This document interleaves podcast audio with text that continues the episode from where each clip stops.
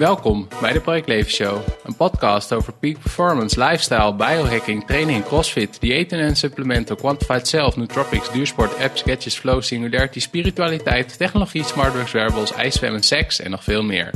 Mijn naam is Peter Joosten.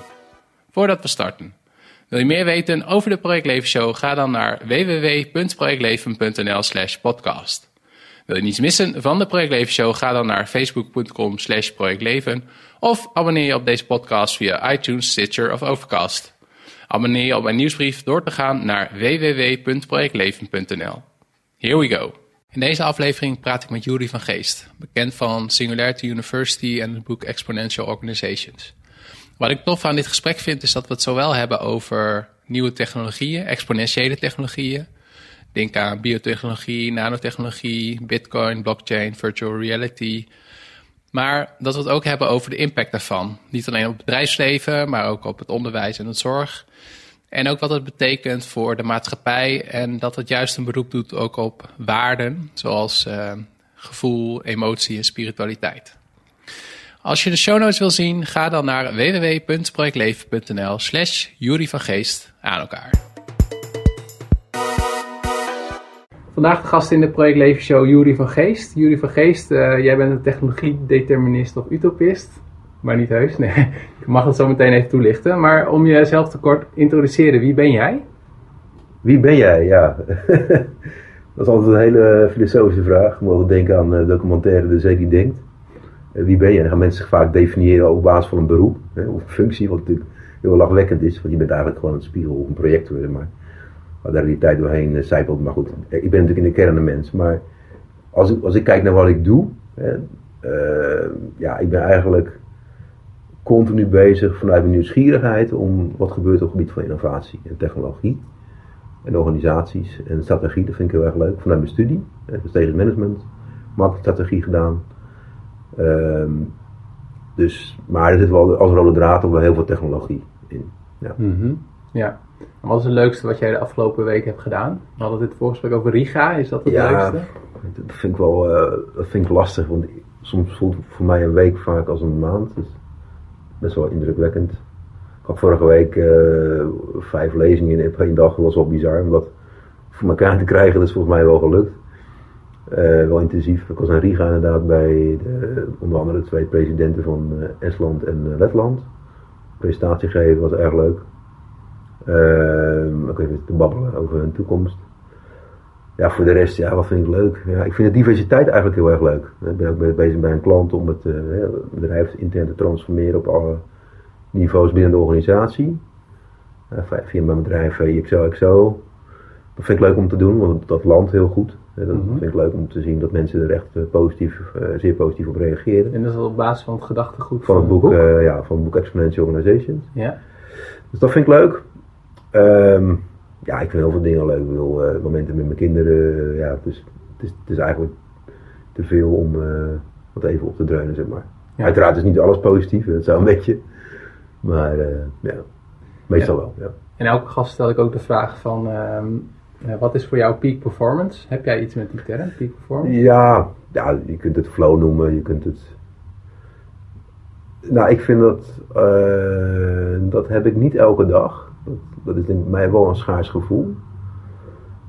Ik vind dat lekker als ik, um, als ik soms maar, ja, informatie aan het verwerken, video's aan het kijken ben, dat ik in een creatieve flow kom. Ik denk van hey, dit past bij dit, mijn nieuwe boek en dat. En daar kan ik erg van genieten. En als ik zelf uh, in flow ben qua presentaties, vind ik ook heel fijn. Soms zit je echt in dat gevoel dat je denkt van oké, je bent in controle, maar ook weer niet. Je bent er wel, je bent er niet. Dat vind ik een belangrijk gevoel. Dus dan ben je heel erg in het nu. En omdat je in het nu zit en je de materie maar beheerst, kun je ook sideways bewandelen tijdens je presentatie die je niet gepland hebt. Er gebeurt gewoon iets en er komt iets magisch uit. Dat komt wel eens voor. Dat vind ik gaaf. En het publiek klikt daar ook heel erg op. Dat voelt dat natuurlijk ook. Hè? Dat die authenticiteit en die, die, die zijsprong. Uh, dat vind ik leuk, maar ook als je dus met, uh, met andere mensen, uh, bijvoorbeeld bij een klant bent en echt die energie, die passie kunt overbrengen. Dat, dat gevoel, dat het klopt. Dat, het helemaal, dat je samen aan het dansen bent, zeg maar. Ja. Dat het heel erg float, een soort, soort jazzachtig. Hè? Ja. Dat je ja. muziek aan het maken bent, bij wijze van spreken, terwijl je gewoon ja, van bestuur aan het meekrijgen, probeert mee te krijgen in een verhaal en om ze iets mee te, mee te geven. Ja, nou, interessant. Ik heb zelf ook een, uh, het boek gelezen van Flow en ook dat, die cursus gedaan, Flow Genome Project. En het gaat dan ook inderdaad wat jij, precies wat jij beschrijft. Dus dat je gewoon in een moment bent, maar ook een stukje de mix tussen comfort en, uh, ja. en, edge, zeg maar. Ja, dat is lekker. Ik, ja, er zit vaak toch geen intentie. Vaak, als, het heel, als er een hele sterke intentie in zit, dan, dan wordt, komt het heel geforceerd over. En dan voel ik, voel ik geen flow. Terwijl flow is volgens mij emergent. Er zit geen intentie achter. Je kunt wel de condities creëren als een soort hovenier, zeg maar. Ja. Als een gardener. Maar je kunt het niet sturen direct. Het ontstaat. En dan kun je het...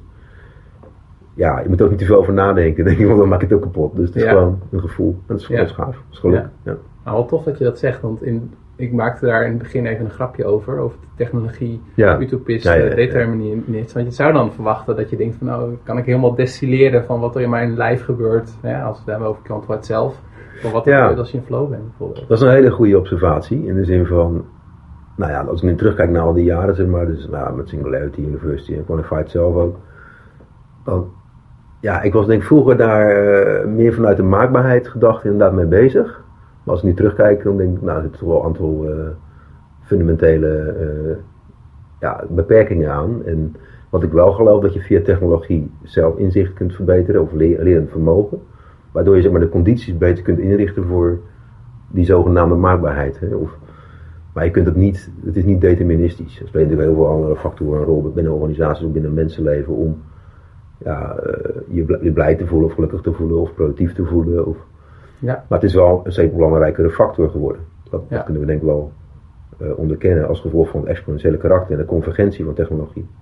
En wanneer had je dat voor het eerst door, dat, het, dat exponentiële karakter van die technologie? Was dat al in je studietijd? Nee, nee dat was. Uh, toen, toen, was ik wel heel erg met IT bezig, maar dat was maar de. Ja, het internet, zeg maar, of intranet, internet, die hoeken. Dus nou, dat praat ik over.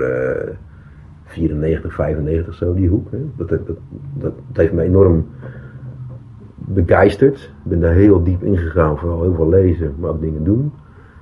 Uh, dus dat vond ik waanzinnig. Dat was op zich wel redelijk exponentieel qua adoptie, als je dan terugkijkt. Maar. Uh, maar dus al die nieuwe technologieën, de maar biotechnologie, nanotechnologie, neurotechnologie. Ja, dat is ook wel grappig. Dat, dat is eigenlijk ontstaan in 2002 was er een rapport van de National Science Foundation. Dat ging eigenlijk over singularity, dat heet uh, bio, nano, cogno en uh, nou, uh, IT geloof ik. Vanuit DARPA, dus Pentagon. Militair inzet. ja, dus dat was een rapport denk ik geloof van 100 pagina's. En ik las het zo en denk van holy crap, dit is wel, dit is echt, dit is echt wel heel disruptive. En dan zag je ook al die exponentials een beetje geduid. In 2005 is dat eigenlijk geïntensiveerd door Ray Kurzweil. De Singularity is neer. Nou, daar heb ik ook over geblogd toen. En toen twijfelde ik nog mijn blog, dat nog steeds live trouwens. Van oké, is dit nou is dit nou een hype, wat Ray zegt, of is het echt realiteit? En toen was het nog enigszins speculatief, onzeker. Er waren voorstanders en tegenstanders toen de tijd. Ook hele grote namen, zoals David Galanter. Die zei van ja, Ray, dat is allemaal leuk, maar die exponentials bestaan allemaal niet. Nou, als je nu terugkijkt, dus na die tien jaar zeg maar, ruim, heeft dus gelijk gekregen. Uh, Ray Kurzweil. Die exponentials zijn er. Dat zie je met zonne-energie, zie je wel al die fronten biotech zeker, want dat is een factor uh, eh, 100.000 uh, eh, in kosten omlaag gegaan de afgelopen acht jaar. Dus dat is natuurlijk waanzinnig. Ja. Voor één menselijk DNA-profiel, die kosten zijn van uh, 10 miljoen naar 80 dollar gegaan. Ja. Dat is natuurlijk vrij absurd. En heb jij toen besloten om, om ook... Nee, dat is eigenlijk het zat dus in mijn radar, ook Werner Vinci eigenlijk al in de jaren 90. Science fiction schrijven. Zegt het goed? Nou, ja, in de jaren 90 al leerde ik hem kennen, ja. Zijn stuk van, van 1993, maar ik, ik, had het wel gescand, maar ik, ik begreep natuurlijk helemaal niks van toen. Uh, maar het zat wel in mijn achterhoofd, die naam. En door, eigenlijk door Ray ben ik me daar meer in gaan verdiepen. Toen op een gegeven moment was er een event in 2008, Singularity Summit. Met Ray Kurzweil, Werner Vinci en Peter Diamandis en een aantal andere mensen, dat was één dag in San Francisco was ik daar voor het eerst eigenlijk in heel mijn leven. Nou, dat was voor mij een uh, tipping point. En toen werd ook Singularity geannonceerd, Singularity University, et cetera. En toen ben ik daar ook, ook gelijk op in. Uh, en dat is een tipping point. En, en, ja. en, en wat, wat, was dat voor gevoel? Kun je dat nou, overweldigend. Want ik dacht dus, dat, ik dacht dus, nou ja, ik dacht toen, oké, okay, Ray heeft gelijk, Singularity is neer, is happening. Want ik kreeg dus 20 presentaties gezien, dat ik dacht van holy crap, is het al zover? Dat was overdonderend, overweldigend. Meer dan ik al had verwacht. En uh, zeer inspirerend. Dus ik dacht ook van, ik moet hier naartoe. Klaar, ik moet gewoon mobile laten gaan, al die andere dingen wat me bezig was. En meer tijd hier aan gaan besteden, want dit is groter dan uh, mobile. Want toen deed je Mobile Monday ja, toch? Ja, ja, dat was toen natuurlijk hot. Dat was even de tijd van de, de iPhone en de Nokia N95, de App Store. En ja, dat was natuurlijk de, de gekte rond van mobiel, 2007, 2009, 2010. Ja. Dat was een enorme boom. Ja. En nou, we stabiliseerden dat. Maar ik heb er denk ik goed aan gedaan om toen toch die sprong hè, te maken. En ik moet ook denken aan het rapport van de NSF van 2002 dus. denk ik van, holy crap, dit, dit, dit komt terecht aan. Ja. dus nou ja, de transhumanistische aspect, uh, de artificial intelligence, en, maar ook de snelheid van verandering, en dat allemaal bij elkaar komt, wat dat betekent ja. voor de wereld. Of ook allerlei grote vraagstukken. Ja, het is misschien een zijsprong, maar ik wil je toch die vraag even stellen.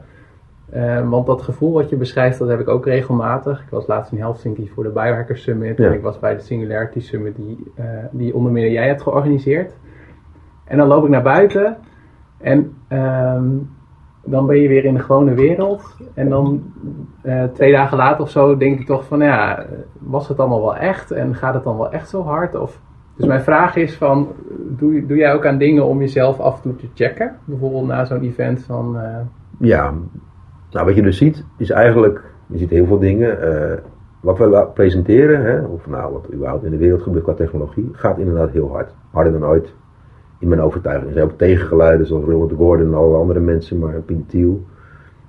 Maar die hebben het volgens mij mis, want het gaat, gaat nu pas beginnen. Hè, dus die tsunami van nieuwe technologieën. Het singularity gedachtegoed. Het gaat ook steeds sneller. Met name afgelopen jaar kan ik zo onderbouwen als als je dat wil.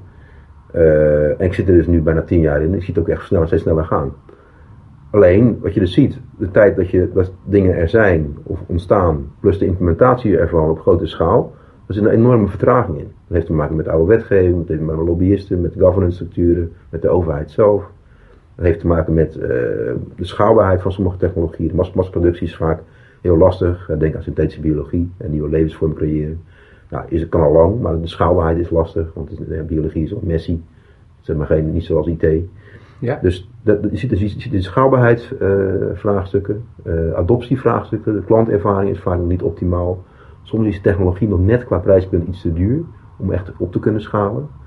Maar de verwachting is wel dat dat de komende vijf jaar echt radicaal zal gaan veranderen. He, alles wordt veel betaalbaarder, meer modulair, meer Lego-blokjes, meer gestandardiseerd, meer toegankelijk, betere klantervaring, uh, klanttevredenheid hoger. Uh, dus het hele, en het hele ecosysteem is zich aan het vormen om het hè, te institutionaliseren. Dat is dan de randvoorwaarde voor schaalbaarheid. Dat, dat, is nu eigenlijk op al die gebieden aan de, aan de gang. Biotech, nanotech, neurotech, AI, robots, drones, zonne-energie, blockchain, quantumcomputing, sensoren, 3 en 4D printing. Dus al die gebieden zie je nu dat die ecosystemen uh, bijna zijn uitgekristalliseerd voor schaalbaarheid ja. en adoptie. Ja.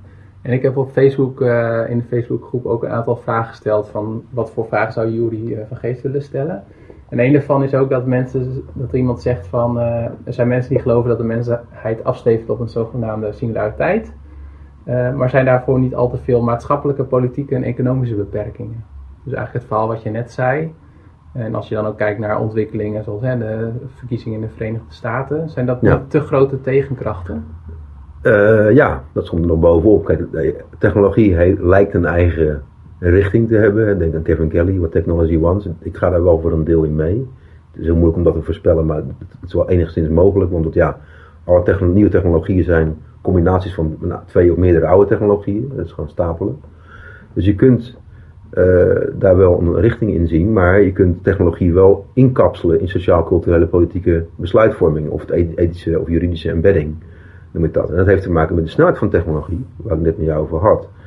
Kijk, wat je dus nu ziet, dat de snelheid van technologie zo hard gaat, uh, of is, dat veel groepen mensen het niet bij kunnen houden. Die voelen, dat, uh, voelen zich onzeker omdat stabiliteit in hun leven wegvalt. Kunnen ze vaak niet echt goed duiden of grijpen of begrijpen. Waardoor ze uh, houvast zoeken. Logisch, want als ik het kleedje onder je voeten vandaan trek, je eerste instinctieve reactie is stabiliteit zoeken. Dat doen dus heel veel mensen nu die uh, de prijs betalen voor een vooruitgang. En dat zie je dus met excessen bij, eh, nou ja, bij Poetin, bij ISIS, bij Brexit, bij Trump, bij Wilders. Dat mensen dus eh, grijpen naar een verhaal van het verleden. Dat is namelijk betroond tussen al die zaken die ik zojuist noemde. Als een ankerpunt, een stabiliteitspunt in een wereld die keihard verandert. En dat is heel logisch, want hoe meer alles verandert, hoe meer alles hetzelfde ideaal blijft. Hè, om die balans, dynamische balans te houden. Dat is gewoon human nature. Dus wat wij met z'n allen moeten doen, is juist een toekomstvast, inclusief verhaal vertellen, waar technologieën worden benut, die ik zojuist noemde, om ja, mensen een beter leven te geven. Dat kan ook, dat is ook betaalbaar, en waar een basisinkomen een rol in speelt. Doen we dat niet, dan zal die polarisatie intensiveren, vrees ik, die we nu zeg maar overal zien. Mhm. ja. En dat heeft in de kern te maken met technologie. Dat is het nadeel van technologie, althans de snelheid van technologie. Ja. Dus we kunnen het wel afremmen. Je kunt technologie nooit eh, op lange termijn ontkennen. Dat is historisch bewezen. Eh, China heeft dat een paar keer gedaan, isolationisme twee keer. Twee keer hebben ze de, de, boel verspeeld, een positie. Door technologie te blokkeren. We hebben bijvoorbeeld in dit geval eh, één keer scheepvaart bijvoorbeeld hebben ze helemaal afgebouwd. Zoals ze nummer één waren, wat ook heel vreemd is. Ja. En dus je kunt technologie, nieuwe technologie, een tijdje tegenhouden. Dan gaat de kosten van je concurrentiepositie, je innovatiemogelijkheden, je welvaart. Dus ook je samenleving, hoe je zeg maar alles kunt betalen, onderwijs, zorg, et cetera. Eh, dus dat, dat is geen slimme keuze. Maar je moet het wel inkapselen op een goede ethische manier. Dat, is wel, dat zie je nu dus heel urgent worden. Ja. En ehm, wat ik daar wel interessant aan vind, ik had het daarover, ik heb onlangs een meetup georganiseerd over human enhancement. Dat is zeg maar biohacking en wat zijn de consequenties daarvan. En toen noemde Jelte Timmer die, eh, van het Instituut, die daar een presentatie over hield, ook het Coleridge dilemma. Misschien ken je dat wel, maar dat- inderdaad hoe lastig het is ook als politiek of als bestuurders om daar ook... eh, aan de ene kant heb je ook wet en regelgeving nodig als een soort van kaders voor bedrijven om investeringen te doen. En af en toe wil je het ook niet te veel afremmen, inderdaad, inderdaad met je innovatiepositie te maken heeft. Dus dat brengt me echt op mijn vraag van, eh, ja, wat, zou, wat zouden we in Nederland moeten doen in jouw ideaal scenario? Uit- uit- vanuit de hoek van technologie, of qua nieuwe technologie. Ehm, nou, kijk, in Nederland moet je eerst een analyse doen waar Nederland nu staat. Kijk, Nederland eh, heeft een aantal aandachtspunten, vind ik. Er zijn heel veel dingen, gaan heel goed trouwens, maar ik fixeer me nu even op de aandachtspunten ten aanzien van technologie. Er is heel veel framing en claiming en sussen. Dus, eh, Framing, claiming en ja, dus het, het framen van discussies ten aanzien van technologie, hè, vaak in een hele negatieve of overdreven negatieve manier, vanuit angst of onbekendheid. Eh, het, claimen van su- successen qua technologie, die niet kloppen, want op mondiaal niveau doen we daar vaak, spelen wij een bescheiden rol of geen rol. Dus dat noemen we het claimen, ten onrechte claimen dus. En sussen is, nou ja, eh, ja, veranderen, ja, leuk, maar we zitten nog niet in een nieuw tijdperk, gewoon extrapoleren van het verleden, lineair denken, prima. Don't rock the boat. Nou, dat is een beetje het sussen. Zeggen dus increment- incrementalisme, marginale veranderingen, terwijl deze tijd schreeuwt om radicale veranderingen. Door de aard van technologie en die convergentie en globalisering. We zitten in een systeemtransformatie.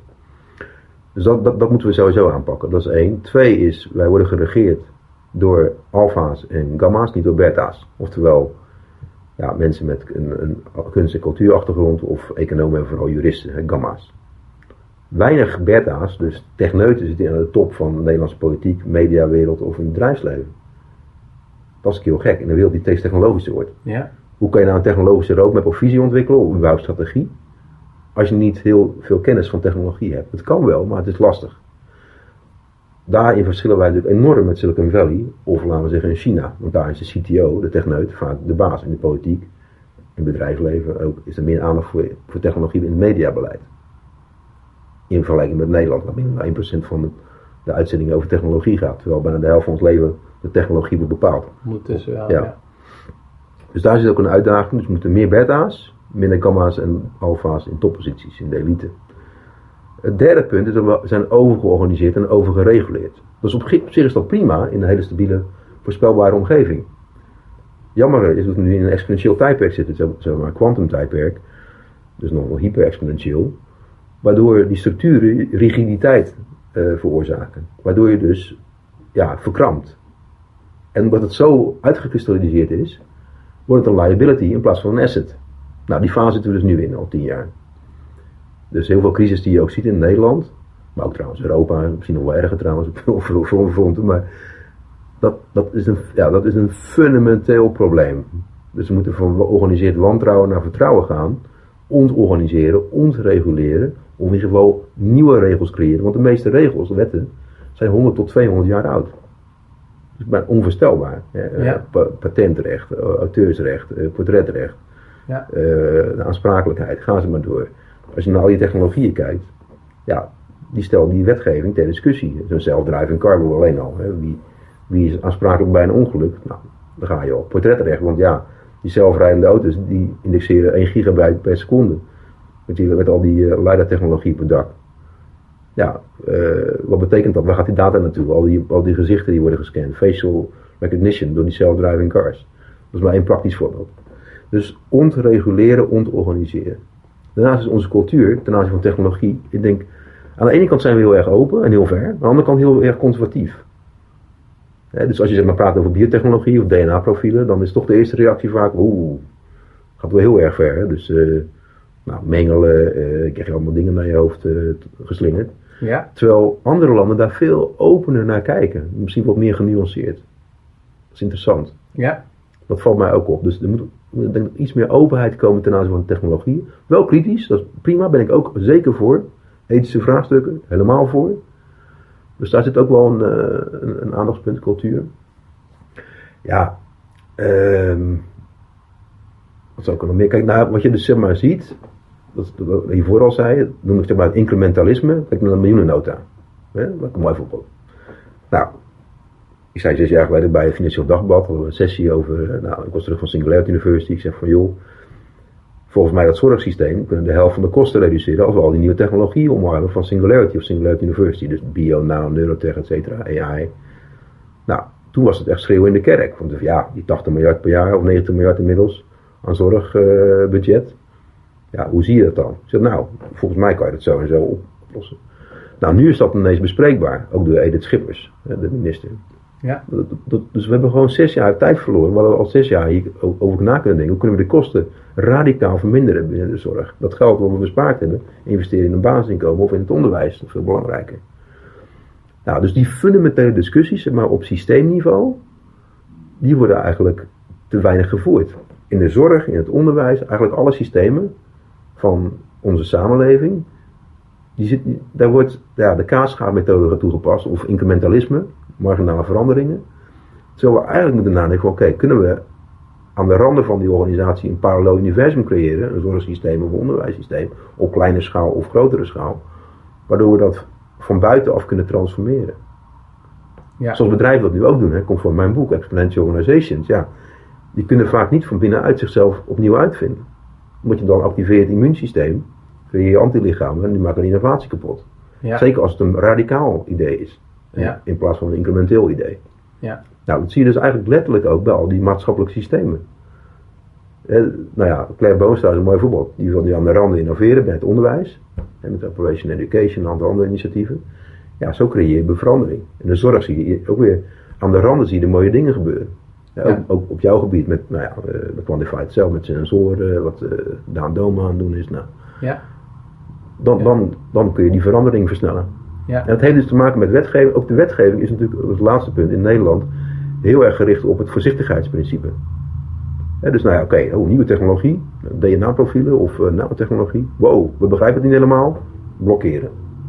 Kan. Wat je ook kan doen, is de, de Aziatische aanpak. Noemen ze de, ja, of, of, de Amerikaanse aanpak tegenwoordig ook. De van, niet van precautionary principle, het voorzichtigheidsprincipe, maar een precautionary principle. Dus je gaat op basis van voortschrijdend inzicht ga je de wet aanpassen. Dus je doet gewoon kleine pilots. In free zones of eh, nou, wel sandbox, dus heel erg beveiligd. Ga je kleine experimenten aan. Je leert van het experiment met een nieuwe technologie. En dan ga je dus de wetgeving daar langzaam op baseren op basis van meerdere experimenten. Dus heel erg evolutionair, hè? emergent, adaptief. Flexibel. Dat, dat, dat is de nieuwe normaal wereldwijd. In Nederland doen we daar heel krampachtig over. Dat is ook heel gek. Daarover verliezen we gewoon tijd. Ja. Ja. Het is wel aan het veranderen in positieve zin, maar we hebben tijd verloren. Ja, ik moet ook nageven, ik was vorige week was ik als expert gast bij een bijeenkomst van het ministerie van Justitie, die daar ook al over nadenken is. Wat moeten we nou met wetgeving inderdaad? Ja, in een wereld die exponentieel verandert. Ja, en die globaal wordt ja, ook. precies. Dus, dus, ja, ik denk dat we echt in een systeemtransformatie zitten, ook We moeten dus ook de wetgeving gaan rebooten, het onderwijs gaan rebooten, de zorg gaan rebooten, de overheid zelf gaan rebooten. Zijn wel grote veranderingen. Maar hetzelfde Ja. als 150 jaar geleden met de industriële revolutie. Het is allemaal precies hetzelfde. Ja. Ja. Eh, het, het, lijkt eerst klein te zijn op een, een gebied, laten we zeggen ICT, eh, hardware en software, nou, en media en, eh, en reizen, travel en nou, een stukje telecommunicatie. Maar dan vervolgens komt het overal. In alle systemen, in alle sectoren. Al die, die transformatie is pas net begonnen. ja. Ja. En dat zie je eigenlijk ook op planetair niveau. Dat heeft natuurlijk ook een systemisch karakter. Die technologieën die ontwrichten de samenleving op een goede manier, soms ook op een negatieve manier, van onderaf. Dus van een laag analyseniveau naar organisaties, naar ecosystemen, naar sectoren, naar landen, naar de hele wereld. Net zoals eigenlijk 150 jaar geleden. Het is identiek, alleen nu veel sneller. ja. Toen Ja. 50 jaar, nu 20 jaar. Er komen allemaal vragen in mij op, maar wat ik wel nog een opmerking die ik wil maken is wat ik heel interessant vond, wat we voor dit gesprek bespraken, dat jij heel erg naar de toekomst kijkt, maar juist ook heel erg ook naar het verleden kijkt. Ja. Om te kijken van wat zijn ontwikkelingen daar en, Ja. en waar doet de huidige tijd jou aan denken? Nou, de, de huidige tijd eh, is natuurlijk sowieso uniek. Je kunt niet twee keer in dezelfde rivier stappen. Dat kan nooit. Dus zo zie ik het zelf ook. De geschiedenis herhaalt zich niet, maar rijmt wel. Dat, zo zie ik er ook i- ik erin. Eh, in de kern gaat het om patroonherkenning. Maar je moet ook de uniciteit van een tijd duiden. Dus nou, als je kijkt naar nu, dan denk ik toch vaak terug aan eh La Belle. Hè, dus nou, laten we zeggen 100 jaar geleden, vlak voor de, Tweede, de Eerste Wereldoorlog. Er zijn behoorlijk veel parallellen. Eén, eh, de snelheid van veranderingen, heel veel technologische ontwrichting. En vernieuwing en convergentie. En een- globaliseringsgolf van een aantal decades. Die dus ten einde kwam. En daar zag je ook een, een, een verontrustende eh, polarisatie in de samenleving ontstaan. Door die snelheid van veranderingen. Ehm, dus dat is een grote parallel. Er zijn ook verschillen. We hebben natuurlijk nu het internet, we hebben social media, we hebben mobile, we zijn beter geïnformeerd. We kunnen waarschijnlijk ja, excessen of extreme gedachtegoed, extreme mensen of negativiteit beter herkennen. Zou je veronderstellen. Maar ja, We of dus niet, nu we in een heel rare tijdperk waarbij zeg maar, ja, post-truth, eh, filterbubbels, we hebben allemaal excessen van het internet zelf, waar we hele hoge verwachtingen voor hadden ten aanzien van bewustwording en het, het voorkomen van excessen. Eh, met historisch besef, hè, het is allemaal vastgelegd in het collectieve geheugen van het internet. En toch zie je dit soort rare dingen nu gebeuren. Een, een Trump of een, een Brexit of een dit en dat. Een ISIS. Dat is natuurlijk waanzinnig. Of een Poetin. Ja, Eh, dus, dat is, dus in die zin is het, lijkt het toch weer op die tijd. Dat is mijn punt. Ondanks de kracht van deze nieuwe technologie in deze tijd. Waar het ook veel op lijkt, vind ik, is toch ook de jaren 30. De, de, de behoorlijke overlap. Eh, en dat kun je gezien als gevolg van de crisis. De crisis heeft natuurlijk een enorme impact gehad op het bewustzijn van veel mensen in heel de wereld. Want de hele wereld heeft daarmee te maken gehad, althans een groot deel van de wereld met name in het westen zeg maar, er zit natuurlijk een bepaalde rancune. En, en terecht ook. Want ja, ik ben daar ook natuurlijk boos over geworden. Van, ja, tegen instituties. Of nou ja, mensen zijn natuurlijk gefopt. Ja. Eh, althans, ja, dat, dat hangt wel even van de intentie af. Maar goed, laat, laat ik het zo zeggen. Een hoop mensen hebben een, flinke prijs moeten betalen. Dus er zit veel rancune, die begrijpelijk is. Lost niks op, maar wel begrijpelijk. Dat lijkt heel erg op de jaren 30, dan de crisis van de jaren 20. Eh, dat- Alleen ja, de, in die zin kun je het psychologisch wel vergelijken met die tijd. Ook zeg maar, die extremiteiten die je ziet, de polarisatie en de opkomst van populisten en fascisme.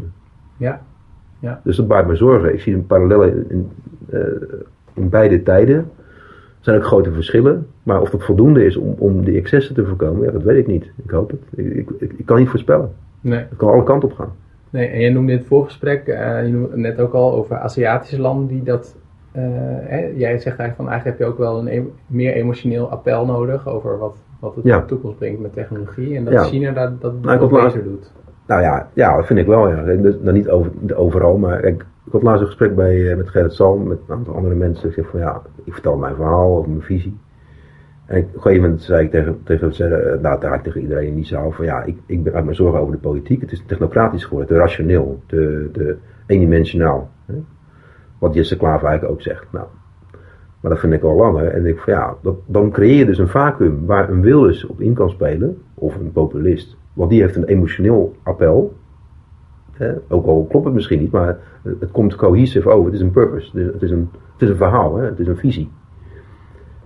Is stabiliteit.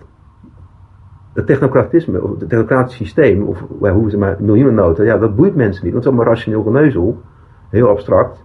En er zit geen emotioneel verhaal achter. Toen zei ze heel hetzelfde tegen mij, nou, dat hebben we gezien. Als er meer ruimte is voor emotie, krijg je juist die wilders. Ik zeg, nee, het is zelfs die opposite. Omdat je het geen aandacht geeft, storytelling, de big idea, de visie, de purpose van de, van de samenleving, het nieuwe toekomstvaste binnen een verhaal, creëer dat vacuüm, waardoor we dit zelf gecreëerd hebben. Nou, dat in de zaal beaamde dat. Dat was echt klonk. Maar hij kon daar niet in meegaan, want hij is natuurlijk zo geconditioneerd in de Ja. liberale denken. Ja. Maar is natuurlijk, ik, mijn pleidooi is een pleidooi voor niet tegen rationaliteit. Integendeel, moet je nu juist rationeler worden. Maar ik ben een holist. Dus je moet ook oog hebben voor de emotie en de spirituele kant van zaken. Zeker in tijden van extreme veranderingen van deze tijd. Dit is een tijd waarbij je dus de, de, de spirit, de buik en de emotie meer ruimte moet bieden op een constructieve manier. Niet op een negatieve manier, wat we nu zien. Maar een alternatief bieden op een positieve manier.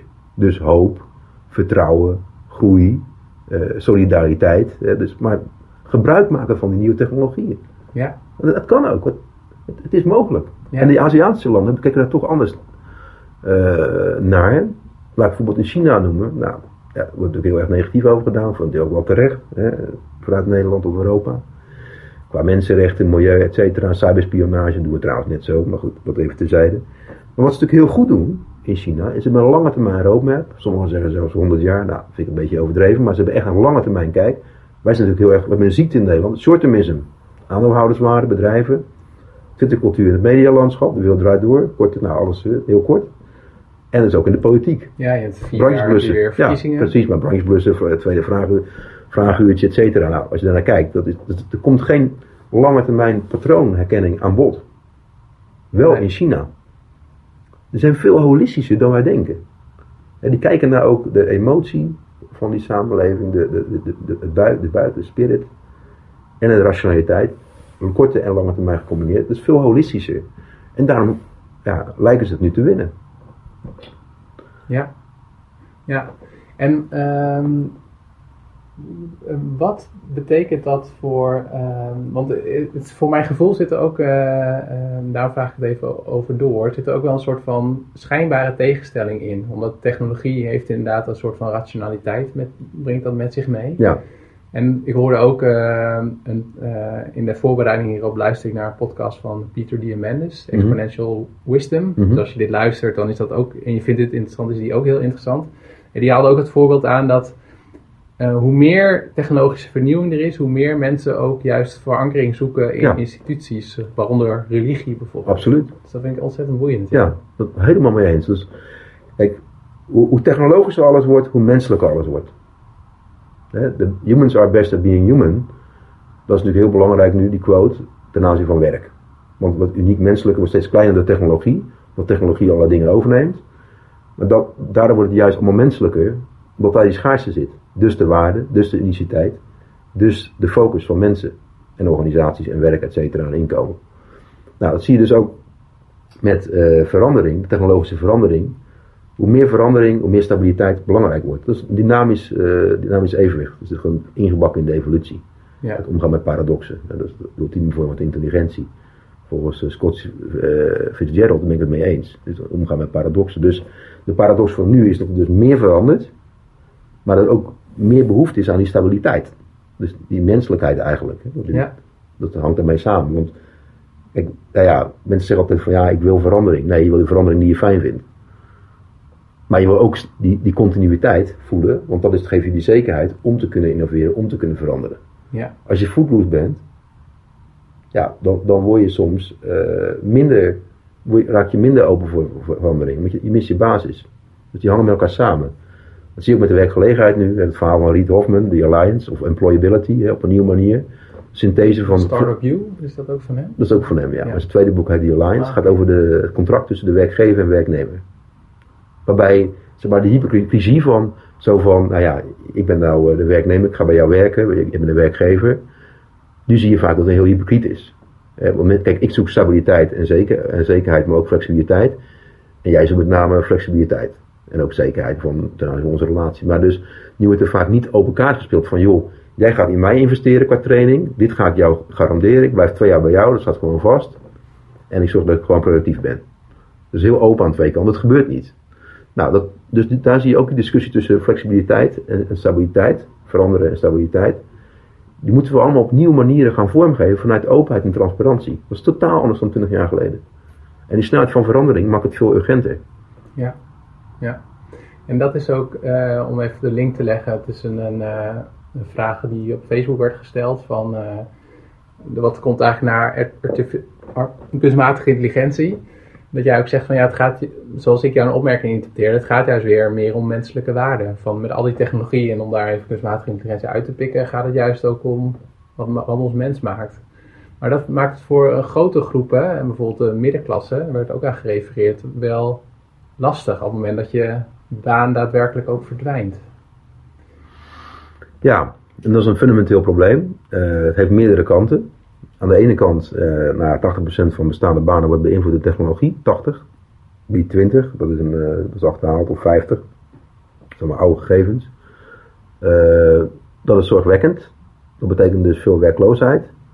Soms hè, is het niet substitutie of vervangen van, van werknemers, maar soms is het het beïnvloeden van het werk zelf. Dus je gaat dansen met de machine, mensen plus machine leidt vaak tot, de beste uitkomsten in de meeste sectoren, niet overal, meestal wel. Maar daar kwam, ik, sorry dat ik onderbreek, las ik ook in het boek van Kevin Kelly dat de beste schaker, dat is niet een mens of een computer. Ja, beide, ja, ja klopt. Precies. Nou, daar zijn mooie uh, experimenten over uitgevoerd, ook met Philip Tetlock, maar goed, daar kun je met me over lezen. Maar um, wat je dus ziet, er komen er heel veel nieuwe banen voor terug. Kunnen we niet voorspellen. Maar net zoals het maar nu, ja, je had verwacht dat je miljoenen mobile software developers, app developers zou hebben. Ik bedoel, 20 jaar geleden. Nou, niet. Dus er komen heel veel nieuwe banen. Of het voldoende zal zijn, weet niemand. Dus die middenklasse moet, ja, die moet zich sowieso openstellen voor die nieuwe wereld. Retraining, eh, opleidingen, vouchers voor internet, mensen open online courses, et cetera.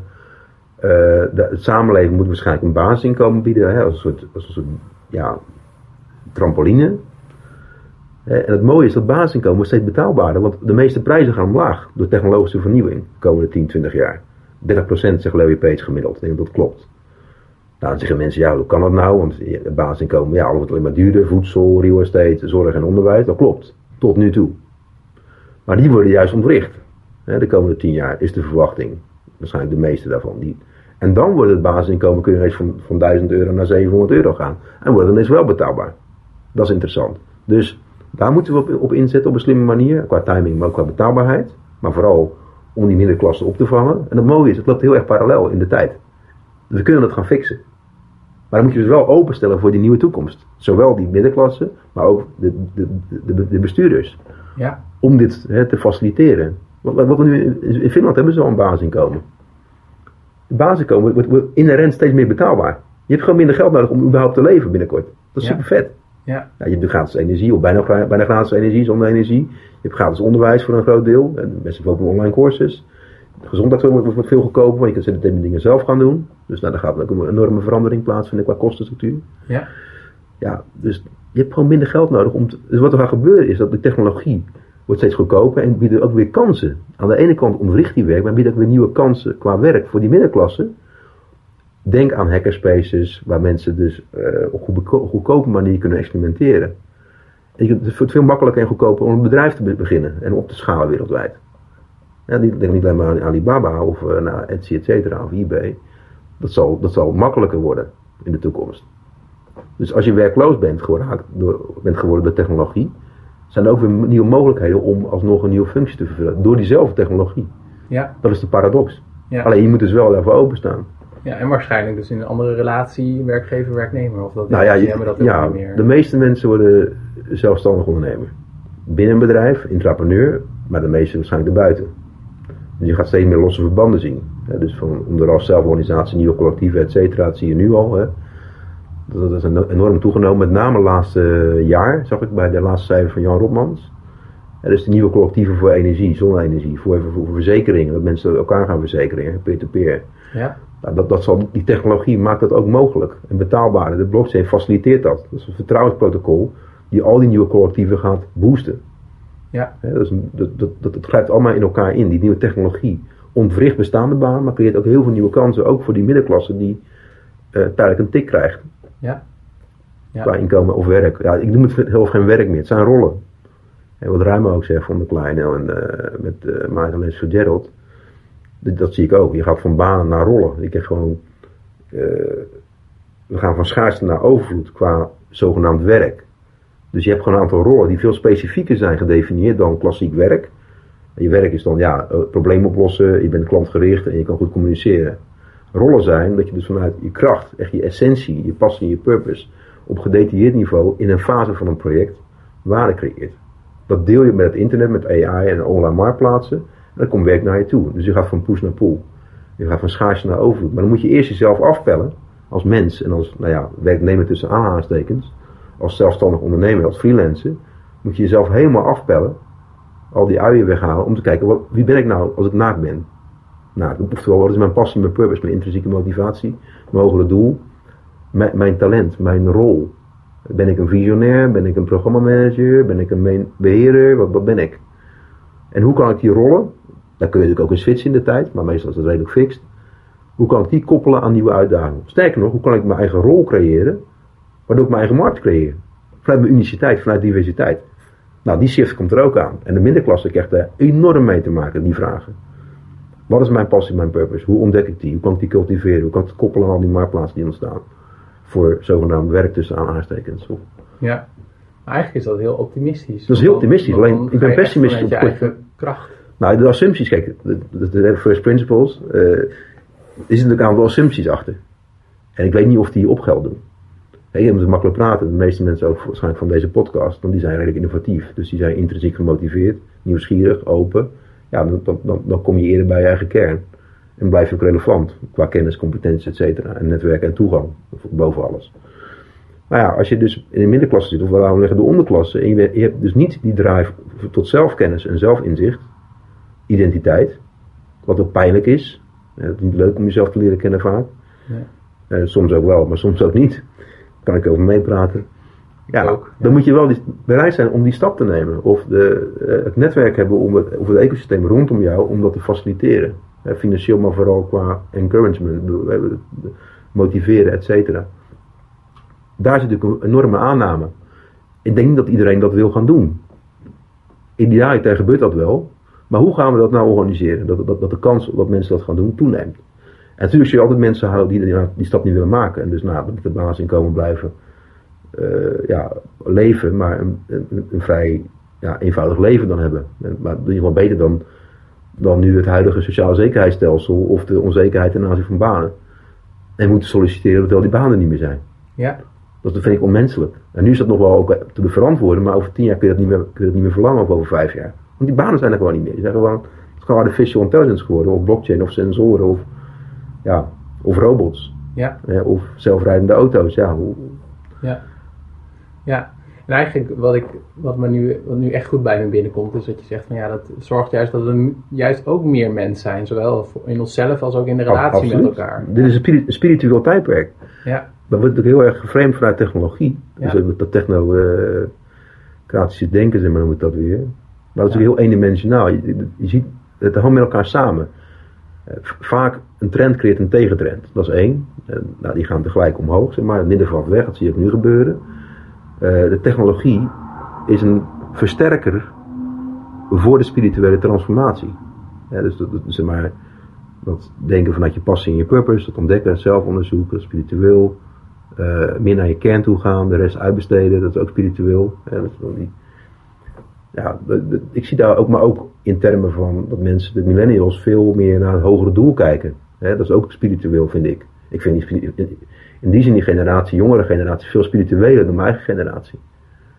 ja, Nou, voor, voor hen is hè, werk is, eh, is het leven, is kunst, is zelfexpressie, is authenticiteit, is bijdragen aan een betere wereld. ja, ja. En wat En voor mijn generatie is werk is inkomen, status en een leasebak. Even gechargeerd. Althans, zo werd ik geconditioneerd. ja, hè, Tijdens studie bij Erasmus. En dat overdrijf ik helaas niet. Het was een best wel een buitenkantcultuur. Voor de vorm boven de inhoud. Terwijl de nieuwe generatie is veel spiritueler, holistischer. Maar ook vanuit de inhoud. Wel op kleine schaal misschien, wat minder ambitieus. Al had het juist al over. Door nou, het comfort van die, eh, een, opvoeding. Of de omgeving doen. Maar het is wel spiritueler. En dat Ja. zie je met voedsel, dat zie je met al die ambachtelijkheden, ambachtelijke eh, jobs die ontstaan.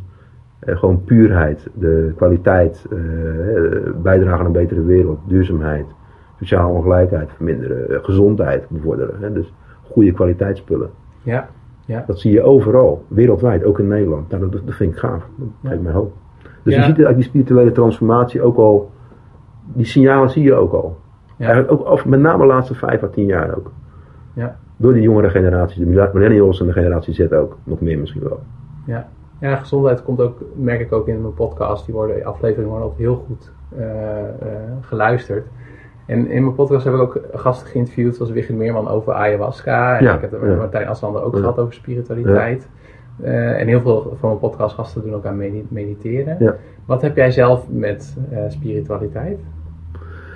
Nou ja, ik, ik, ik, ik beschouw mezelf niet als, als verlicht. in tegendeel. Ik ben best wel... Maar doe je iets als tegenhanger van al die technologie waar je ook mee in aanraking Ja, nou, ik, eh, ik, ik dans veel. Ik vind dans heel fijn. Hè, dus uit mijn hoofd te komen. Dus dans is, is het, eh, celebration of life. Ehm, dus ook om- om- echt in het nu. Hè. Dus ik zit ook vaak door mijn werk heel erg in de toekomst en dus in het verleden. Dus niet, Ja. zeker niet in het nu. dat is wel een probleem. Dus ja, voor de rest, eh, ik hou van natuur, botanische tuinen, bossen, strand, even Ja. je hoofd leegmaken. Dus de basale dingen. Dus ja, Ja, het is echt op zoek naar de natuur. Ja, dat probeer ik zelf ook wat vaker te doen. Want ik merk ook gewoon het effect dat... Maar ik kom er te weinig aan toe. Dus Ja. bijvoorbeeld exporten, dat is ook een hele goede manier om te, te aarden. En Ja. eh, het is ook heel ja, routinematig, maar misschien ook wel het goede ervan. Maar meditatie, ja, soms. Ja, ik moet er wat meer uh, aan gaan besteden. Ja, Dus ja, in die zin is het wel belangrijk om te aarden. ja. En ik heb nog drie inhoudelijke vragen voor je. En dan wil ik eh, naar de laatste vragen die ik naar elke podcast eh, stel. Wat voor reacties, want je hebt een heleboel CEO's, presidenten, eh, eh, C-level mensen ge- ge- gesproken, getraind, eh, presentaties voorgegeven. Wat is meestal de reactie die je krijgt na afloop? Zeggen mensen van wauw of zeggen mensen van nou ik geloof er niks van Jori? Nou, dat wisselt. Ehm, meestal zijn ze wel geïnspireerd. Maar dat, dat, is makkelijk. Hè. Dat laten we zeggen, bijna allemaal wel. Maar de vraag is natuurlijk, wat gaan ze ermee doen? Nou, daar gaat, daar gaat natuurlijk vaak mis. Ehm, ik denk dat 10, 20 procent echt iets doet. Hè, met name dus in China. Ik was toen bij Huawei, Huawei, eh, Raad van Bestuur twee jaar geleden. Net nog, ja, het boek was net uit, maar, Exponential Organizations. En ja, de dag erop, hup, 150 mensen erop. We gaan het implementeren. Hoe zou je het aanpakken? Gewoon letterlijk, hè? Dat is natuurlijk mind-blowing. Hier praten we er twee jaar over. In Nederland. Of in ieder geval een jaar. Dus, dus het, eh, de meeste bestuurders, eh, ook in de prime ministers, maar ook eh, dus de raad van bestuur, de raad van commissarissen, die snappen het wel, maar die handelen er niet naar. Dat de pijn nog niet diep genoeg is van het burning platform. Afhankelijk van de sector. Hè. Dus, nou ja, zeg maar, als je nu zeg maar, je werkt in, in mining hè, of bouw, dan denk ik nog wel van ja, het, Allemaal wel. het zal allemaal wel. Ja. Hè, of, nou, en legal. Dat is de, grootste legget eigenlijk van al die sectoren. Terwijl dat eigenlijk overal aan de gang is. Overal zie je die ontwikkeling de technologie, andere businessmodellen, et cetera. Dus het, gaat het gaat, eh, hoe ze reageren is, is heel erg persoonsgebonden ook. Kijk, je hebt natuurlijk verlichte leiders, zoals een Jeffrey Immel bij GE, de CEO's, ja, die hebben, hebben respect voor de, eh, voor de traditie, maar staan echt open voor de nieuwe wereld. En hebben moed, zijn moedig, durven grote stappen te nemen. De meeste bestuurders denken aan mij dat zonvloed. Ik doe incrementeel veranderen en het is goed. Ik heb die aandeelhouders in mijn nek hijgen. En eh, ja, als ik dan disruptief ga innoveren, dan gaan ze lopen piepen vanwege de cashflow impact. Want ik ben mezelf aan het ontrichten, et cetera. Nou, en los van de, de complexiteit van die transformatie zelf, hè, de politieke complexiteit ervan. En culturele complexiteit. Dus die brandende vingers staan niet aan. En ook mensen in de politiek. Dus dat incrementalisme waar ik het over had. Dus, waar dus andere goede voorbeelden zijn, nou ja, Google, Apple, Facebook, Amazon. Vaak de foundercultuur, de founders van, eh, laten we zeggen, mode- moderne bedrijven, internetbedrijven of technologiebedrijven in brede zin des woords. Als die nog aan boord zijn, zijn ze vaak wel in staat om zichzelf te vernieuwen van binnenuit. Dat is een patroon. Dat, eh, in Nederland zijn we natuurlijk, ja, de founders zijn vaak al weg. En we hebben gewoon bestuurders. Die hebben natuurlijk een hun kindje. De emotionele band is anders spiritueel. Waardoor de neiging tot ja, radicale ver- verandering minder wordt. En je hebt een founder vaak ook vaak nodig om die transformatie te begeleiden qua bezieling, de belichaming, de, de ziel van de organisatie.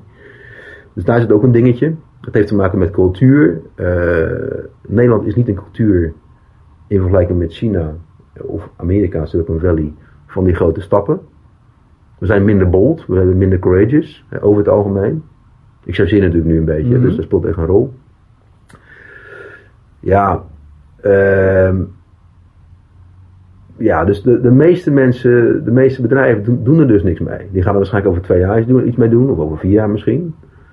Uh, zijn wel geïnspireerd. 10%, 20% doet er wel iets mee. Unilever is een fantastisch bedrijf. Procter Gamble hebben we gedaan.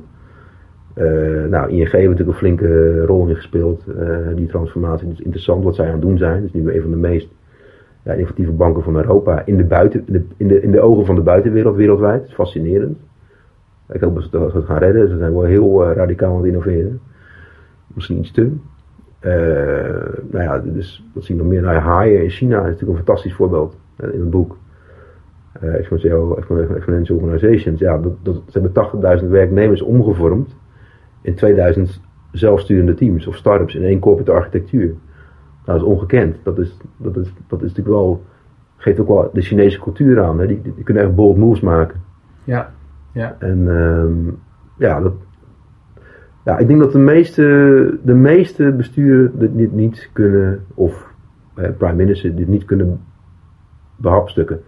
Je ziet dat wel kleinere landen zeg maar, hier uh, agressiever mee omgaan. Dat is fascinerend in plaats van grote landen. Dat vind ik wel boeiend. China is misschien een uitzondering.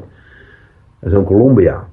Enorm bezig met al die nieuwe technologieën, nieuwe organisatiemodellen, businessmodellen. Fascinerend. Medellin, Bogota, het hele land. Er komen nu andere associaties mee door Ja, precies. Maar het is fascinerend. Als, als, je ziet, als je ziet dat uh, die, die, steden die ik noemde, die zijn eigenlijk in 15 jaar tijd van een van de slechtste steden ter wereld qua ecologie, sociale ongelijkheid en economie zijn ze in 15 jaar tijd tot bij de top van de wereld gaan behoren. Waanzinnige verhalen hoe ze dat voor elkaar hebben gekregen. Ja.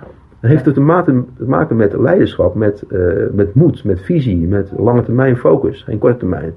Continuïteit, uh, authenticiteit, en inclusive, mensen echt meenemen, hè, engagement, crowdsourcing van ideeën.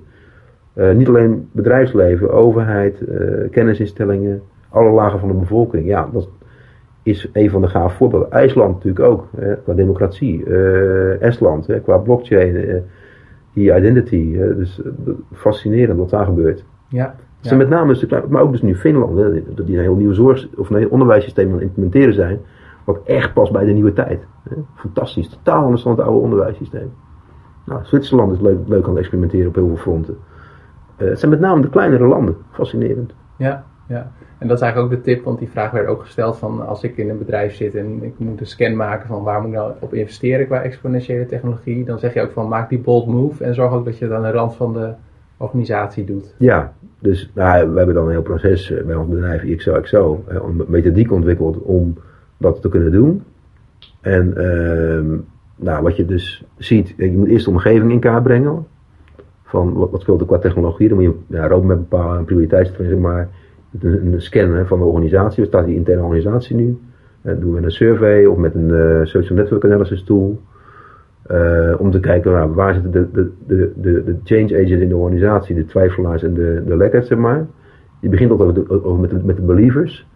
En dan ga je ook kijken van nou, wat zijn nou de, de kenmerken van exponentiële organisatie die heel erg het meest van belang zijn hier. Misschien is het algoritmes, AI, misschien is het uh, lean startup, misschien is het autonomie, zelfsturende teams. En dan ga je vervolgens daar ook weer prioritiseren dan breng je alles bij elkaar. Dus eh, interne analyse, de omgevingsanalyse en waar staan qua organisatie. En dan ga je dat implementeren in een roadmap, maar heel gefaseerd, gestructureerd. Ja. Niet alles tegelijk, want dan kunnen de mensen helemaal niet behapstukken. Eh, Werknemers bijvoorbeeld. Ja. En de laatste inhoudelijke vraag, uh, die wat meer kritisch is. Want dus, um, dus je noemde een aantal voorbeelden, Facebook en Apple en zo. En die komen soms ook wel eens negatief in het nieuws, omdat ze juist niet hun maatschappelijke verantwoordelijkheid nemen. Ja, nou, het is heel dubbel. Kijk, Apple is natuurlijk heel maatschappelijk in de zin van, uh, nou ja, het beschermen van homorechten. Uh, met name het ding zelf, maar ook uh, als waarde van het, van het bedrijf. privacy, dat doen ze echt goed, denk ik. Google, ja, Facebook pakken een verantwoordelijkheid, bijvoorbeeld in Californië, door de excessen daar te dempen. flink miljoenen te investeren om mensen die buiten de boot vallen niet te helpen. Eh, wat ook een probleem in San Francisco bijvoorbeeld. Nou, eh, Facebook investeert ook nou ja, 40 miljard in allerlei goede doelen, waaronder met name gezondheid. Hè, het opvolgen van, of het voorkomen van ziektes. Ja, zijn grote, ja. ja, zijn, zijn grote investeringen. Google inderdaad longevity, veel in, in de gezondheidszorg ook. Ehm, ja, het wisselt denk ik per bedrijf. Amazon heb ik wat minder zicht op. Uh, nou ja, ruimtevaart kun je ook als een hoger doel beschouwen. Hè? Dus Blue Origin van uh, Jeff Bezos. Um, dus de meesten doen wel dingen, maar ja, de vraag is of ze, of ze voldoende doen. Die vraag kunnen we stellen. Hè, hoe, hoe, hoe, goed zijn ze? Hoe evil zijn ze? Ja. Hoe gaan ze om met onze informatie? Wat, wat spelen ze ja. door aan de overheid? Wat gaat Trump erbij doen? Ja, dat zijn allemaal goede vragen. Ja. Maar ik, denk, ik ben niet van mening dat de, de meeste van deze leiders dat die slechte intenties hebben. Dat, dat, dat weiger ik te geloven. Je hebt natuurlijk af en toe wel wat moeilijke mensen. Bijvoorbeeld nou, Eric Smith heeft natuurlijk niet zo'n echt een goede naam, ik maar even noemen. Maar hetzelfde geldt natuurlijk voor Elon Musk. Eh, Als je intern kijkt, of Jeff Bezos, hoe, hoe die interne cultuur is binnen Amazon. Er zijn wel dingen uitgelekt. Ja, dat is ook niet dat je denkt van, uh, goh, ik, ik, kan hier uh, even chillen of zo even mijn dingen doen. Nee, ik luister nu de, de autobiografie van Elon Musk. Ik vind het wel fascinerend. Zowel zeg maar waar we het begin over hadden van hè, de zesjescultuur en dan zo iemand, maar ook van wat hij dan ook vraagt van zijn interne ja. nou, medewerkers. En, nou ja, voor je work-life balance is het natuurlijk best wel heavy, denk ik. Ja. Dat, dat, dus dat is, ja, het is dan, kijk, voor allebei iets te zeggen, ik ga het niet afkeuren, maar kijk, het, het, het, het hangt natuurlijk af, wat is duurzaam, hè? wat is sustainable voor die, die werknemers, voor de organisatie, voor de maatschappij, maar ook voor de privélevens van die mensen. Ja. Ja, ik denk, ik denk dat de balans belangrijk is. Ja. Daar hebben we denk ik wel een goede asset in Europa. Dus als je kijkt naar op, wa op ethisch niveau, op waardeniveau, zit het denk ik goed in elkaar. Dat wordt holistischer, wat duurzamer denk ik. Hè? Dus Ja. de, ex de excessen zijn, de extremen zijn wat minder extreem. Het is wat meer, eh, ongelijkheid is wat minder dan in Amerika bijvoorbeeld. Het is eh, wat, ja, wat beter doordacht. Alleen moeten we wel moeten dat vernieuwen. Ja. Dus die balans is goed, maar we moeten die balans vernieuwen. Ja. En eh werk-privé-balans, je noemde het al even. Hoe, hoe dat is zag, jouw, eh, ja, dat is hoe voor zag mij- jouw ochtend eruit vanochtend? Ja. Het eerste uur? Ja, nou ja, hectisch, dat is voor mij heel lastig. Ik vlieg natuurlijk heel veel. dit jaar ook 50 landen bezocht, nou een beetje too much. Eh, dus dat, dat doorbreekt patronen, letterlijk. Dus ik heb eigenlijk niet zoveel rituelen. Alleen ja, koud douchen misschien. Of, Ah, heel goed. Ook. Ehm, nou ja, qua eten, bosbessen. Ik heb wel- ik ben redelijk st- gestandaardiseerd qua eten, zeg maar. Als ik thuis ben. Ehm, nee, vandaag, ja, ik had dan een call eh, met Turkije om 8 uur. En, eh, voor een nieuw initiatief voor een eh, MBA-opleiding.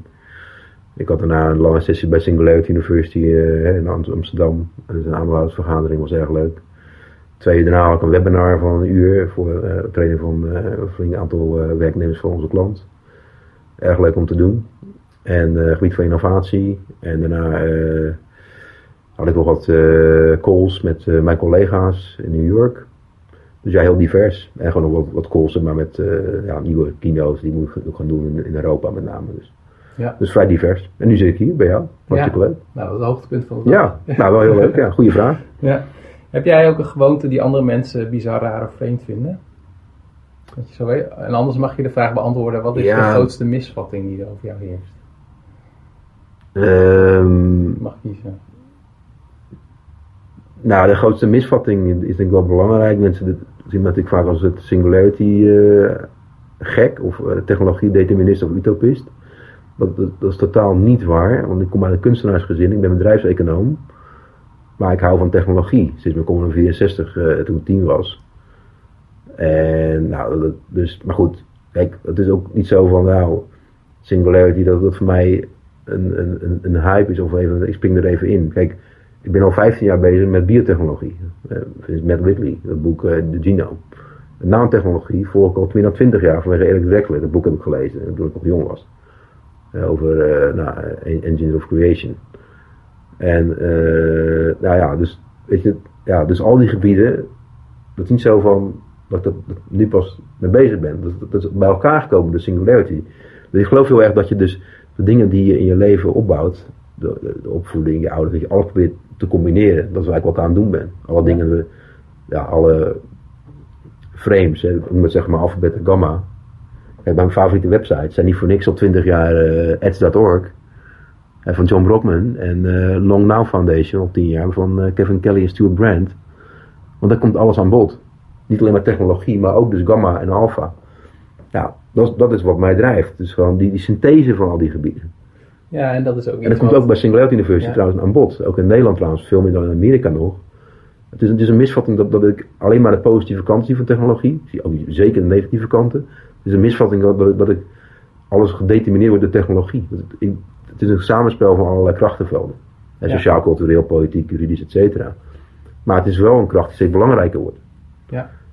Wat mij wel aanspreekt in je antwoord is dat het ons eigenlijk ook weer terugbrengt naar wat, uh, wat kunstmatige intelligentie nog niet kan. Namelijk wat er allemaal in jouw hoofd gebeurt. Dat jij dingen kan, met elkaar kan verbinden ja. en uh, conceptualiseren. Ja. Nou, een mooi voorbeeld vind ik, uh, kijk, er komt heel veel werk op het gebied van het stellen van de juiste vragen. Dus verbeeldingskracht. We gaan naar een wereld, hè, de Age of Imagination je dat. Uh, want technologie kan alles analyseren of produceren. Of het nou bits, atomen, neuronen of genen zijn in de toekomst. Hè. Wij stellen de vraag of het doel, de purposes. Technologie voert uit.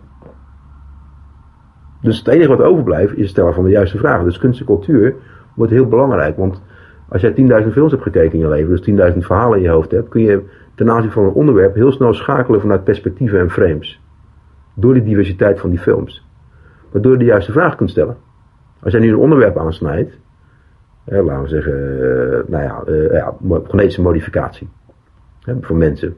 Nou, hé, hey, Gattaca, soortgelijke films. Ja. Dus dit, en ook de rapporten die ik erover gelezen heb, et cetera. Of daar misschien zelfs theaterstukken of wat dan ook, of boeken. Nou, dan heb je gelijk een aantal perspectieven in je hoofd, waardoor je allemaal vragen kunt stellen. Wat jij dus feitelijk ook doet in jouw rol hier. Hè? Je stelt vragen. Dus, dus kunst en cultuur zorgt voor strategische flexibiliteit van je, van je gedachten, waardoor je de juiste vraag kunt stellen. Of unieke vragen kunt stellen, waardoor je technologie kunt aansturen.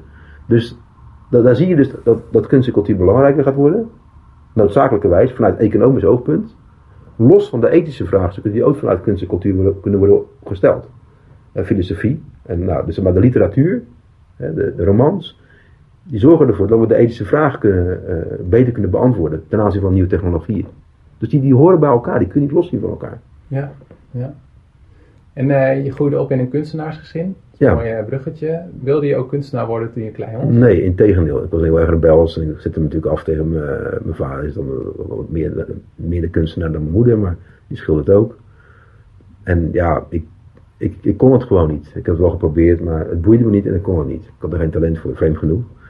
Ik heb wel de, die, die competentie denk ik in mijn denken. Ik ben natuurlijk een hele gekke denken, laterale, associatieve, creatieve denken. Dat heeft me erg geholpen. Eh, nou, niet alleen het schrijven van het boek. En ook de waarde van het boek, denk ik. Maar ook eh, om patronen te zien die ja, wat minder voor de hand liggen. Ik denk heel erg in analogie en metaforen. Door die kunstenaarsachtergrond. Dus, dat, dat, dat, dat, dus die, dat intuïtieve zit daar natuurlijk heel erg in. Ja, wat wilde je wel worden toen je klein was? Weet je dat nog? Dat is een goede vraag. Uh, moet ik even goed nadenken. Ik had daar eigenlijk volgens mij nooit echt een goed beeld bij. Ik was echt een, uh, een zoeker. Ja. Uh, en eigenlijk, ja, ben ik op mijn pad gekomen toen ik voor mezelf ging. Toen ik voor mezelf begon, 2007. En de opkomst van Twitter, Mobile Monday ontstond toen. Nou, kwamen ook andere platforms. Naar TEDx Amsterdam, Quantified zelf. Lean Startup en ook Singularity University, et cetera, en een boek ook. Dat is eigenlijk ontstaan door de stap te nemen om voor jezelf te, ja, te gaan beginnen. Hm. Dus vanuit vrijheid, vanuit uh, ja, je passie, je purpose, wat ik net zei. Ja. Dat is eigenlijk toen daar, onbewust toen daar begonnen. Connecting the dots. Ja, want daarvoor zat ik, was ik aan het zoeken met allemaal corporates en uh, bij creatieve bureaus. En ja, dat vond ik uh, soms gaaf, maar soms ook irritant, want ik wilde gewoon continu innoveren. En ik wilde die ruimte gewoon niet. Ja, logisch, het immuunsysteem waar ik het over had. Ja. Ik ja. was ook heel onrustig. Ik wilde continu de, de laatste dingen implementeren. Ja. Nou, dat willen mensen niet, want die willen gewoon executie, die willen schaalbare efficiëntie, die willen KPI's en bonussen halen. Ja. Dus stabiliteit. Dan kom ik als disruptor continu. Ja, dat werkt natuurlijk niet. Dus. Nee. Nee. Maar als je dus voor jezelf werkt, ja, dan kun je dus wat ik zeg. Hè, vanuit die passie, die purpose, die flexibiliteit en je vrijheid en je rollen en je talenten kun je dus je ding doen. Ja. Nou, dat, dat, dat is voor mij wel een belangrijkste shift geweest. Op een bepaald moment, uh, ja. Ja, dat ding dat steeds meer mensen dat gaan doen. Dat, dat, dat is denk ik een gezonde ontwikkeling. Startup of you. Wat is je favoriete moment, uh, boek van dit moment? Mijn favoriete boek van dit moment? Wauw. Ehm, dat is een goede vraag. Nou, ik vind de Platform Revolution wel aardig. Dat vind ik een goed boek. Uh, als je kijkt naar, naar in het verlengde van mijn eigen boek. Het is een heel praktisch boek. Hoe creëer je een platformorganisatie? Echt heel degelijk. Hè, MIT. Echt goed, goed, goede bronnen, goed gedegen, systemisch. En dus blijft ook waardevol, denk ik. Uh, ja. Ik vond de Seven Sense interessant. Van uh, Rama Cooper gaat over dat zeg maar, alle problemen in de wereld steeds meer netwerkproblemen zijn. En de oplossingen ook netwerkoplossingen moeten worden. Dus je gaat vanuit een ander perspectief naar de werkelijkheid kijken. Veel holistischer. Vanuit ecosystemen en uh, ja, vanuit de netwerken ga je naar een probleem kijken. Dus, uh, dus eigenlijk alle netwerken, niet alleen maar sociaal netwerken, maar hè, alles kun je als een netwerk zien. mobiliteit of energie of, hmm. of educatie of zorg. Dus dan ga je op een veel fundamentele niveau, op een lange termijn niveau, ga je ingrijpen om verbeteringen te realiseren. Nou, dat vind ik heel boeiend. Dus die lens, zo kijk ik nu ook naar problemen. Ja. En van uh, uh, je favoriete twee websites heb je al genoemd. Ja. Uh, boek dus ook. heb je een favoriete film of documentaire? Nou, favoriete films. ik heb heel veel films gekeken. Dat is een van mijn grootste passies. Arthouse met name, maar ook commercieel soms. een enorme filmjunk. Ehm maar wat ik, wat ik hele goede, ik vind Interstellar een waanzinnige film. Ja. Dat heb ik uh, vier keer gezien in de bioscoop in één week, toen die uitkwam. Dat vind ik echt uh, mindblowing. Op heel veel fronten. Er komt wel NASA in voor, dus maar een beetje mijn singularity ervaring. Ik heb zelf een NASA training gehad. Ik heb zelf gevlogen, uh, acht minuten. Wichtloosheid, dus vliegen. Ja, dat doet iets met je. Dat, dat, dus science fiction, dat heeft natuurlijk een hele andere betekenis voor mij nu. Ja. Dat is, het is tastbaarder geworden. Ja, precies, dus, ja. Dus, dus, daar heb ik iets mee. Ik had laatst uh, ja, Arrival gezien, twee keer, vond ik erg boeiend. Heel boeiende film. dat heeft Steven Wolfram maar meegeschreven. Hè, dus over taal. Fantastisch. Ja. ja, daar kom ik later achter. Dus dacht ik ook van ja, ja. nou begrijp ik waarom ik zo lyrisch ben over die film. Ja. Uh, Steven Wolfram heeft er meegeschreven. Maar, uh, ja, ik vind ik hou van Blade Runner. Ik vind Gattaca geweldig. Uh, ja, maar ook de klassiekers, hè, de, Citizen Kane, dat vind ik briljant voor die tijd. Weet je, je verplaatst in die tijd dat je zo'n film maakt. Met dat tempo en dat, die, die gelaagdheid, die, dat vind ik waanzinnig. En uh, de, de, ja, de, Casablanca, hè, dat, soort, dat soort films. Ja. ja. Ja, ik ben heel erg gecharmeerd van de Christopher Nolan uh, films. Uh, Hitchcock, Nolan, Tom Tieker, die hoek. Ja. Uh, ja. Maar ik, ik, ik vind heel veel soorten films leuk. Hè. Dus, het is heel leuk om te kijken. Film is, is, is, is, kunst en cultuur is eigenlijk een leugen die je dichter bij de realiteit brengt. Dus je, je, dat, hè, is het verhaal van Picasso. Dus door films te kijken, goede films, kun je dus door, is ook empathie versnellen. Je, je kan kijken door de ogen van iemand anders. En je kunt dieper in de realiteit komen door een, een, een verhaal, een perspectief, waardoor je jezelf ook beter leert kennen. Het is ook eigenlijk een spiegel. Hè? Je vaak zit in de bioscoop en dan moet je huilen, word je ergens door geraakt. Oké, werk aan de winkel. Blijkbaar zit daar iets. Ja. Dus het, het is gewoon een halve, halve therapie, hè, ja. film. Althans, goede films. Wordt straks nog indringender met uh, ontwikkelingen zoals virtual ja, dat, dat, dat, dat, is waanzinnig. Wat, wat het gaat betekenen voor, uh, als je daarvoor open staat. Want kijk, ja. de technologie uh, geeft jou voorzet. Hè, je moet zelf die bal erin trappen. Ja. Je, moet er wel, je moet er wel voor openstaan. Dus, en, dat, en daar zit, dat gaat natuurlijk over de menselijke natuur. De menselijke natuur is natuurlijk heel stabiel, heel inert. Ja. We zijn natuurlijk eigenlijk al nou ja, een paar honderdduizend jaar of een paar miljoen jaar hetzelfde. Qua, nou ja, onze behoeften. Ja. En onze beperkingen. En kwetsbaarheden. Programmering. Ja. ja, nou letterlijk. Nu zie, je, zie je dat artificial intelligence maar onze cognitieve vooroordelen ontwricht. Hè, wat we ook in het boek zeggen, onze exponential organization. Dat zie je nu echt gebeuren ook. Hè? Dat is interessant. Ja. Van, willen we dat wel? Willen we ook niet een beetje die gekte die we hebben, die rauwigheid? Die, die, die, randjes. ja, want als het helemaal gepolijst wordt, hè, wat Brave New World, willen we dat? Ja. Hm. Dat zijn wel mooie vragen. Ik denk dat we die kant wel opgaan, maar ja, waar blijft van die, dat randje, die, die, die gekte? Ja. En heb je naast het, dat de luisteraars over niet die vraag kunnen nadenken, nog een ander ding wat je ze wil meegeven op het moment dat ze klaar zijn met het luisteren van deze podcast? Ja, dat vind ik heel pretentieus. Kijk, ik denk dat iedereen. Uh... Kijk, ik geloof heel erg in individualisme. Dus je, er is nooit een generiek advies, je hebt alleen een persoonlijk advies. Dan moet je met mensen interacteren. Dan, heb je, dan kun je daar iets zinnigs over zeggen. Maar de, de, de, vaak zitten de antwoorden in de mensen zelf. Dus introspectie zou ik aanbevelen. Dus uh, ja. ja. tijd nemen voor jezelf. Van waar zit mijn passie, mijn purpose? En dat, dat zijn moeilijke vragen. Dat gaat ook voor mij. Hè. Dat, dat, is ook dynamisch van aard. Want dan heb je op een gegeven moment een purpose gerealiseerd. Of een doel. En dan, dan zit je in een zwart gat. moet je weer wat anders gaan doen. Ja, precies. Waar ik nu zelf een beetje in zit, zeg maar. uh, dus soul searching is heel belangrijk. En wordt nog belangrijker dus. Wat wordt belangrijker? Het, het bizarre is dus dat je dus alles wordt gecompressed qua tijd. Dus je krijgt niet één carrière, ook geen vijf carrières, ja, misschien wel tientallen carrières. Want mensen worden ouder, alles versnelt, dus nou, de, de, onrust neemt toe. Neemt toe.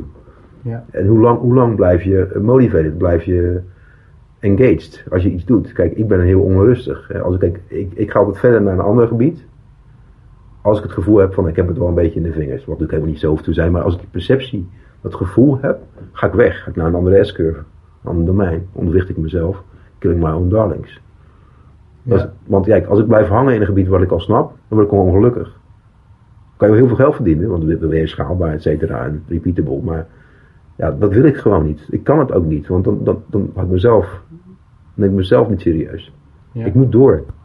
En dat ga je dus steeds vaker zien. Dus die soul searching, dat zal. Uh, uh, niet iedereen is natuurlijk zo gedreven of nieuwsgierig als ik. Dus, maar het zal wel steeds meer noodzakelijker worden voor iedereen, ook al ben je conservatief, om het wel te gaan doen. Door die snelheid van verandering in de technologie. Ja. Dus daar zit denk ik wel een, uh, een patroon. Komen. En het onderwijssysteem en de maatschappij moet daar dus veel meer een antwoord voor gaan bieden. Dat is er nu niet. In ieder geval te weinig, laat ik het zo zeggen. Enerzijds is het onderwijssysteem natuurlijk uh, gedateerd. Want ja, het is een gerobotiseerd systeem voor homogeniteit. Wat lijkt op een robot. Die robots worden gebruikt om een productiesysteem in te vullen. Het terrorisme van 100 jaar geleden, voort. Maar guess what? Die robot, die mens, is nu, is nu een robot geworden. Dus is een totaal zinloos systeem geworden. Je moet dus een onderwijssysteem creëren wat diversiteit en initiatieit creëert en aflevert als, als deliverable.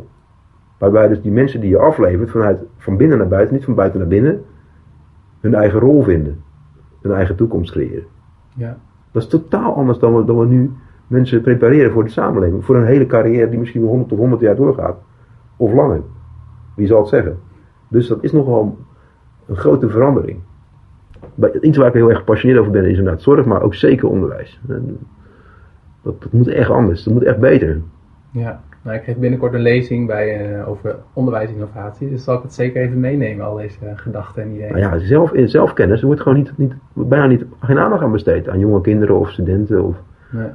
Zo, dat is het allerbelangrijkste. Wat, wat geeft je nou energie? Waar word je blij van? Wat is je talenten? Wat is je purpose? Wat is je hogere doel? Wat, wat, wat, hoe, hoe, zou je jezelf kunnen ontstijgen? Wat zou je doen als je 1 miljard dollar eh, hebt op dit moment? Wat zou je morgen gaan doen? Wat zou je morgen gaan doen als je nooit kan falen? Waar geloof jij in dat mensen, niet, mensen zelf moeite hebben om in te geloven? Dus je inner calling, je inner voice. Daar moet je over nadenken. Welk probleem word je, heel gepassioneerd over? Word je heel boos over op lange termijn? Dat is blijkbaar iets. Ga er iets mee doen, ga het oplossen. Dat zijn allemaal van die vragen die komen niet aan bod. Weet je wel, dat is heel raar. Want jonge kinderen hebben er ook wel, tenminste ja, niet als iemand, iemand drie jaar is, maar eh, op een bepaalde leeftijd, ja, kinderen worden denk ik onderschat. De, als je die vragen vaker stelt, in het onderwijs ook, maar ook te buiten, ik denk dat dat kinderen eh, ja, of jonge mensen heel erg gaat helpen. Ja. En het is nu heel erg filling buckets hè, van kennis nu. Nou, dat blijft belangrijk, vooral kanonkennis, maar fundamentele kennis, dat blijft overeind. Die puntkennis is natuurlijk binnen over, over vijf jaar weer weg, achterhaald. Dus, maar waarom ga je niet meer richten op competenties? Waarom ga je niet meer richten op, op passie en purpose en zelf en kennis en inzicht en identiteit? Waarom ga je niet inrichten op uh, leren, leren en ontleren, dus meta-leren? dus maar systemisch denken, want dat blijft overeind. Dat wordt steeds belangrijker, wat ik al zei. Dus ecologisch denken, ecosysteem denken. In plaats van fragmentarische kennis. Maar ja, hoe ga je dat nou verbinden, die kennis? Dus bij Finland gaan ze gewoon thematisch onderwijs aanbieden. Horizontaal geïntegreerd over al die disciplines heen in teams. Dat is slim. Dan leer je samenwerken, leer je dus synthese zien van kennis, systeemdenken, holisme. Heb je meer waarde voor de nieuwe samenleving, voor de nieuwe werkgevers, als die er nog zijn, of voor je eigen toko. Ja, dat doet, totaal andere mindset. Nou, dat is volgens mij de toekomst. Dat vind ik een mooi, uh, mooi einde voor het inhoudelijk deel. Ik heb nog twee vragen aan jou. Wat vond je van het interview? Ik vond het leuk. Ik had uh, iets meer uh, crazy questions verwacht van jou, maar misschien nou, dat het misschien voor, de volgende keer. ronde 2 in ja. volgend jaar. En waar, ik zal de links opnemen naar je boek en, en je bedrijf, maar ben, waar ben je nog meer te vinden op internet en social media? Nou ja, op social media ben ik met name op Twitter actief en Facebook, LinkedIn ook wel. Um, ja, ik denk Twitter denk dat het het meest nuttig is. Want dan deel ik ook het meeste informatie uh, wat ik allemaal zie. Uh, dus dat, dat, zou ik dan adviseren. Ed van Geest. Ed van Geest ja. ja, en die uh, link zal ik ook opnemen. Dan wil je van harte bedanken voor het gesprek, Jury. Ja, graag gedaan. Vond het erg leuk. Dankjewel. Ja, dankjewel. Bedankt voor het luisteren naar de Project Leven Show. Wat ik leuk vind is als je een beoordeling of een review op iTunes achterlaat. Je kan mij ook een e-mail sturen op peter.projectleven.nl. Oh ja, vergeet niet naar projectleven.nl te gaan voor meer informatie over mijn nieuwsbrief, mijn boek, de biohacking meetups, de Super Lifestyle Summit, volgende podcast afleveringen en nog veel en veel meer. Thank you.